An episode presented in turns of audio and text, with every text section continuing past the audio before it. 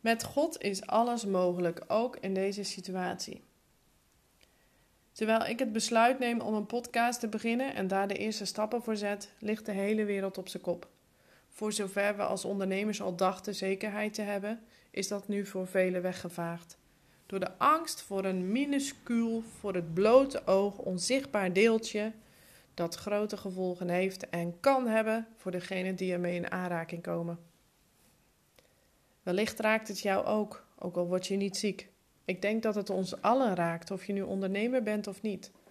Maar als ondernemer kan het nog harder aankomen, want hoe gaat het nu verder? Misschien zit je wel met allerlei vragen. En geloof je 100% in Gods leiding, maar toch heb je je bedrijf nog wel als het 1 juni is geweest. Ga je het op deze manier redden? Blijven je klanten komen? Kun je jouw klanten blijven bedienen, ook al moet je online? Ga je het financieel redden? Hoe dan? Misschien merk je wel gevoelens van niet per se angst of zo, maar wel van allerlei twijfel, toch wat onrust, wat onzekerheid. Of misschien had je die gevoelens al, omdat je bedrijf nog niet precies liep zoals je had gehoopt en is de druk, zijn de zorgen alleen maar versterkt. Ik begon deze podcast door te zeggen: met God is alles mogelijk, ook in deze situatie. Misschien moet ik wel zeggen, juist in deze situatie. In Marcus 9, vers 23 staat deze tekst: Als u kunt geloven, alle dingen zijn mogelijk voor wie gelooft. Deze tekst kwam tien jaar geleden steeds terug toen ik te maken had met een angststoornis waar ik door werd beheerst. En die me in alles belemmerde in het dagelijks leven. Het was niet gemakkelijk. Ik wilde heel graag de deeltijdopleiding social work doen. Maar ik had zo'n enorme faalangst dat ik moest beginnen met in mijn thuissituatie rollenspellen te oefenen met mijn man. Die moest ik opnemen om vervolgens op school feedback te krijgen van mijn medestudenten en de docent. En dat was natuurlijk iets wat in het begin kon. Dat kon ook niet zo blijven. Daar moest wel groei in zitten. Je kan je voorstellen dat dat hard werken was om dat te overwinnen. Goddank heb ik mijn angststoornis mogen overwinnen. Maar dit is zomaar één klein voorbeeld van alle stappen daarin. Tijdens die periode kwam die tekst steeds weer terug. En die tekst heeft me nooit meer losgelaten. Inmiddels heb, had ik al een paar jaar mijn eigen bedrijf Unique Pearl, waarin ik vrouwen coach om stress, angst en bezorgdheid te overwinnen. En toen God me vorig jaar liet zien dat ik een tweede bedrijf moest starten, reageerde ik daar niet meteen heel enthousiast op. En ik begreep ook niet zo goed waarom. Maar toen kwam dit thema terug. Met God is alles mogelijk. En ik begreep dat ik vrouwen mocht gaan leren dat met God alles mogelijk is.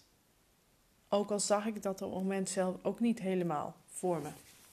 Voor God is zelfs de sky niet eens de limit. God kan alles en God wil alles door ons heen doen. Denk je dat Hij zich tegen laat houden door een voor ons onzichtbaar eiwitdeeltje met iets erin dat aangestuurd wordt door een ander koninkrijk? Nee, natuurlijk niet. Voor God is dit slechts een rimpeling in het water. Een, een stuiptrekking van de vijand die bijna is uitgespeeld. En die dat op zijn klompen natuurlijk aanvoelt. Ja, het is wel een beetje een grote stuiptrekking natuurlijk, maar goed. Voor God is, stelt het niks voor. Laat deze tijd een kans zijn om te zien wat God gaat doen in je leven, in je bedrijf, in het leven van de mensen om je heen. Leef verwachtingsvol. Wij hebben een grote God voor wie niets onmogelijk is. En Hij heeft ons meer dan overwinnaars gemaakt. Laten we een verschil maken en daaruit leven, ook in ons bedrijf. Er staat nergens dat het gemakkelijk zal zijn.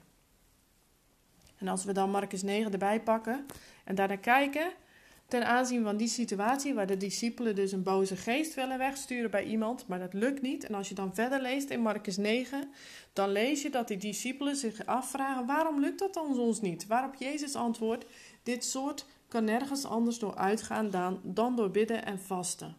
Een doofstomme geest wegsturen is niet gemakkelijk. Zo is dat in onze onderneming soms ook. Niet alles is gemakkelijk. Meestal is het niet gemakkelijk. Soms doen we ook niet altijd de juiste dingen in ons bedrijf. Of doen we wel de juiste dingen, maar is er vasthoudendheid nodig? Volharding, zoals bij de discipelen, dat bidden en vasten, bidden en vasten. En dat gedurende een langere tijd doen, blijven aandringen bij God steeds opnieuw en opnieuw. Het is in ieder geval belangrijk dat je het allereerst bij God brengt. En vervolgens checken of we wel de juiste dingen doen. En het opnieuw en opnieuw herhalen. Zodat dingen kans krijgen om te groeien en vrucht te dragen. Volharding.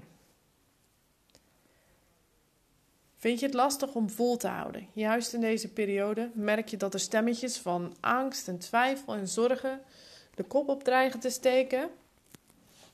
Misschien anders ook wel, maar nu nog misschien een beetje meer.